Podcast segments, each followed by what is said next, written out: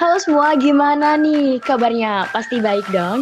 Yang lagi kurang enak badan, semoga lekas membaik ya. nah, balik lagi di Let's Talk About Announcer bersama aku, Irma, Commerce 2020. Dan kali ini kita bakalan ditemenin oleh salah satu alumni Commerce 2014, yakni Kak Kemara. Nah, untuk Kak Kemara, bisa nih Kak, say hi dulu dong buat kenalan. Uh, selamat apa ya kalau podcast ya selamat siang, selamat malam buat Kak Irma, selamat sehat lah buat teman-teman semuanya commerce Ilkomunesa teruntuk Ilkomunesa yang sangat saya cintai dan saya banggakan. Semoga sehat saya Kemara di sini. Oke nih, Kak Gem uh, akhir-akhir ini lagi sibuk apa sih Kak? Kalau ngomongin kesibukan, sibuk aku, sibuk sibuk sekali. Enggak sih sebenarnya cuma kayak misal ya kerja dari 9 to 5 lah kerja 9 to 5 terus ada juga nge-podcast dua minggu sekali. Ya gitu-gitu aja berkaitan sama soal berbicara. Bukannya tetap hal-hal yang berbau tentang berbicara gitu Nah, seperti kita ketahui ya kak ya, profesi announcer sekarang ini itu kan banyak banget diminati. Nah, apalagi sama mahasiswa ilmu komunikasi, karena relate banget sama program studi ini kan kak. Nah, kalau boleh tahu nih Irma kak, uh, udah berapa lama sih kak Kemara ini jadi seorang announcer kak?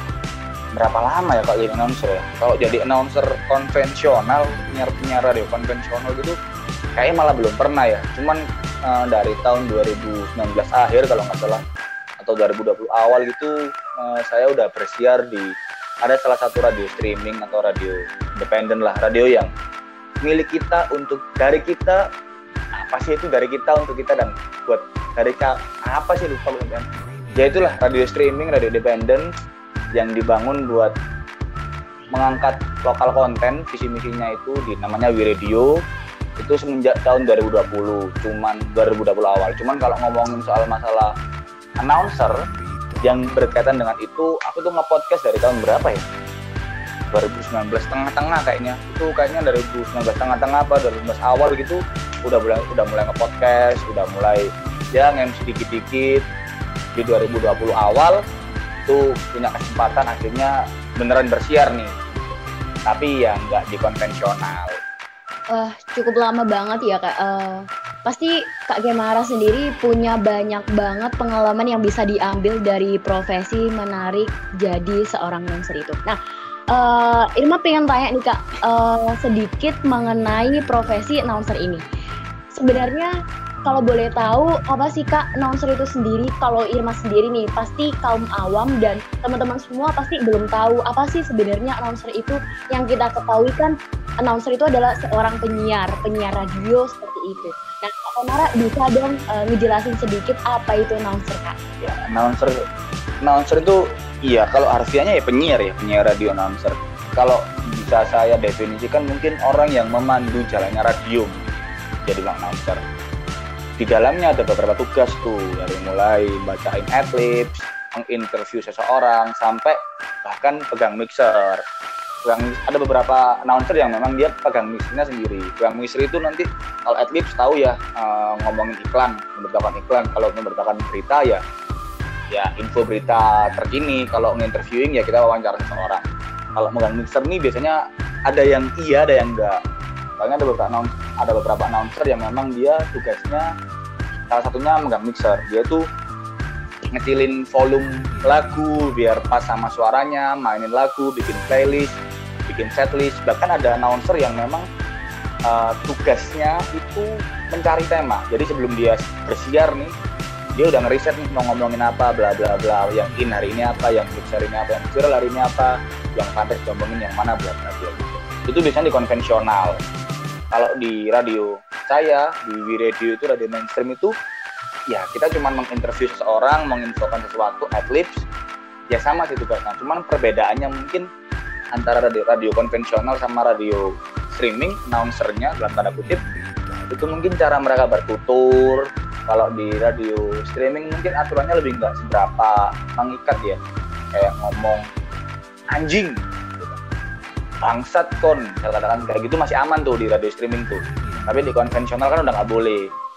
Kayak naik Surabaya misal arek commerce nanti pada misal wah mancok kan nggak masuk RE itu masih oke okay tuh di radio streaming tuh kalau di radio konvensional nggak bisa cuman ya itu konteksnya tetap konteks dia nah konteks bercandaan nggak nggak bermaksud menyinggung announcernya seperti itu sih Wah, menarik banget ya kak ya. Jadi uh, announcer sendiri itu banyak banget macamnya. Nah, uh, aku mau tanya lagi nih kak, uh, kenapa sih kak Kemara itu memilih untuk jadi seorang announcer kak?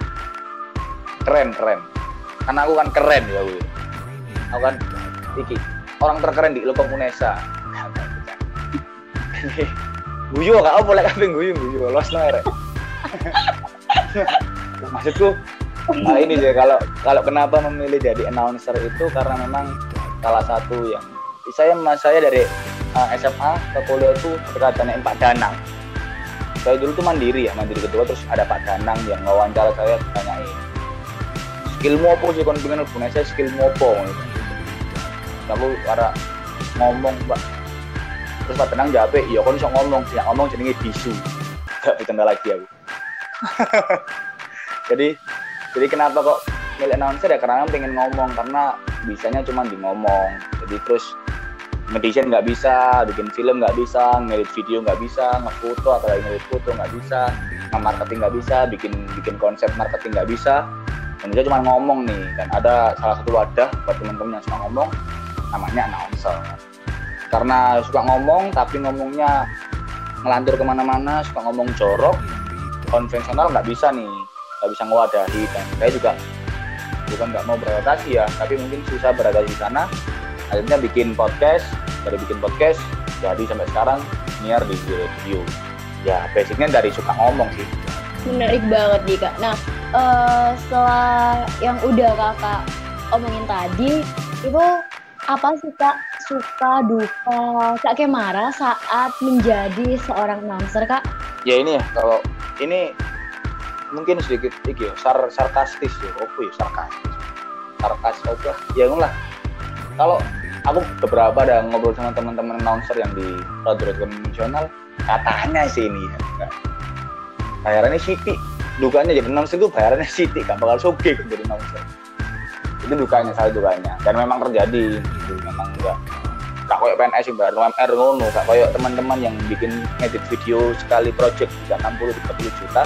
Announcer mungkin berapa. Cuman sukanya adalah kamu ketemu banyak orang di sana dan kamu berkesempatan untuk mengulik orang itu. Kamu berkesempatan untuk bicara banyak sama orang itu ngomongin visi baik buruknya ngomongin A sampai Z terkait orang itu. Dan akhirnya ketika kamu ngomong sama orang baru dan kamu ngomong banyak sama orang baru akan banyak insight juga yang masuk ke kamu dan itu insight-insight baru. Bisa mau bisa mau pakai bisa nggak pakai. Nambah channel nambah link nambah pertemanan. Itu suka dukanya. Terus ngomongin kalau suka dukanya lagi dukanya lagi ya kalau kamu ketemu sama kalau interviewing ya kamu ketemu narasumber yang otaknya kosong ada kan. Yang kalau nggak ditanya nggak nggak ngomong nih. Kalau nggak dikulik jawabnya cuman iya tidak iya tidak itu sedikit menjadi dukanya karena memang kita harus ngulik tajam ya kita harus benar-benar ngulik orang itu. Tapi itu juga menjadi suka sendiri itu menjadi tantangan yang ayo ya apa caranya aku sok ngulik wong iki? Aku ya apa caranya ben iso wong iki buka kabeh metu kabeh aku sing di sing pengen tak rui gitu. Jadi suka dukanya itu sih titik bayarannya Uh, jadi ternyata uh, seru banget nih untuk jadi seorang announcer. Terus aja sih banyak orang yang tertarik buat jadi announcer di masa sekarang ini. Nah ngomong-ngomong nih kak Kem, uh, seorang announcer itu kan biasanya perlu skill komunikasi yang bagus nih kak. Uh, lalu gimana sih kak uh, kasih kita tips atau uh, tipe gitu biar kita itu bisa jadi seorang announcer yang kalau ngomong itu bisa lancar dan gak belibet gitu kak. Atau mungkin kak Kem sendiri punya pengalaman gitu kak mengenai kosakata atau kalimat yang gak belibet gitu kak selama menjadi seorang announcer uh, kalau aku biasanya ya ini ngacak ya kayak oke okay. jadi tips tips and trick to be a good announcer.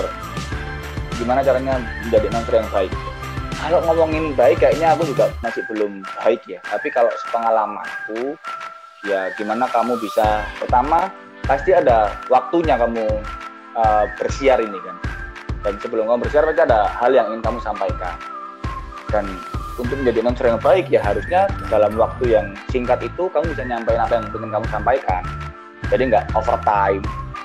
Jadi nggak nggak banyak guyonan nih atau nggak banyak hal-hal nggak penting yang keluar yang tapi infonya nggak masuk nih.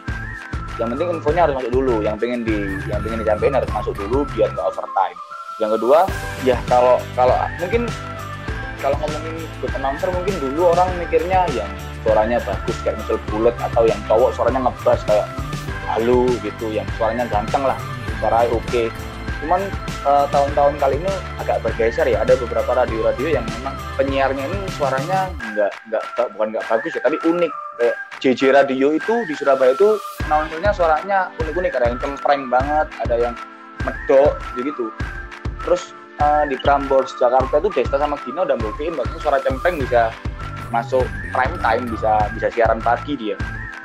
Padahal dulu tuh kalau kalau ngomongin siaran yang di jam-jam prime time itu memang benar-benar orang yang suaranya bulat nggak belibet nggak banyak bercanda gitu gitu lah. Cuman hari ini udah dipatahkan. Jadi percaya diri aja terus jangan trying to be funny jangan so asik. Yang penting infonya nyampe ikutin flow-nya. Terus lagi ya kalau jadi jadi announcer ya, ya banyak baca. Karena kalau banyak baca kamu bakal banyak kosakata. Dan kalau kamu banyak kosakata insya Allah nggak bakal belibet tapi kalau ngomongin belibet mah sampai sekarang bahkan ada beberapa announcer kayak Desta gitu kayak masih belibet terus Gina masih belibet Gopar Hilman di Hard Rock Jakarta dulu kayaknya masih belibet juga. Kalau di sini tuh siapa ya? Banyak kok yang masih belibet masku kadang-kadang belibet itu bisa jadi hal-hal yang bisa memang jadi guyonan bisa jadi lucu. Kalau memang kita nggak punya lucu bukan nggak jadi sebuah kesalahan akhirnya. Penempatannya aja. Cuman kalau belibet terus ya bisa jadi announcer kon gitu kan ya harusnya ngomongnya udah tertata dari awal cuman kalau di tengah-tengah belibet-belibet ya nggak masalah gitu kan. Malah bisa jadi apa ya malah bisa jadi guyonan gitu. Itu sih kalau kalau aku pengalaman belibet apa ya? Banyak sekali ya belibet aku assalamualaikum masih kadang-kadang assalamualaikum. Ada guyo rek aku rek? Masih masih gitu gitu nggak bercanda. Masku masuk pengalaman pengalaman belibet masih ini masih banyak sekali. Karena memang kadang-kadang itu kan belibet itu kan kadang-kadang biasanya nggak riset tuh nggak riset siapa yang bakal apa infonya siapa yang bakal diinterview. Akhirnya gopo akhirnya kesusu akhirnya tergesa-gesa untuk mengungkapkan sesuatu. Ketika tergesa-gesa apa yang pengen diomongkan di pikiran ini nggak nyampe ke mulut. Sehingga mulutnya melibet cuman biasanya sih pemanasan kayak misal A, I, U, E, O gitu biar arti biar arti nah, ini melipet kan? Itu melipet. Biar artikulasinya jelas. Begitu pemanasan pemanasan itu biar panas dulu nyantai dulu ngerokok ngerokok dulu kalau yang ngerokok ngopi ngopi dulu biar santai dan biar nggak melipet.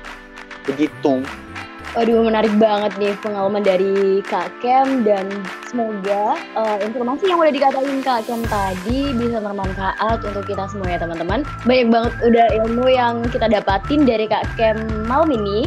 Tentunya harapannya adalah ilmu ini bisa bermanfaat buat kehidupan kita kelak ya teman-teman. Oke buat Kak Kem Hera, terima kasih banyak ya Kak atas waktunya di bincang singkat kali ini. dan gak kerasa udah usai sudah bincang singkat kita di episode kali ini. Untuk teman-teman semua tetap jaga kesehatan, stay healthy dan stay safe dan selalu taati protokol kesehatan. Oke teman-teman, see you next time dan bye-bye.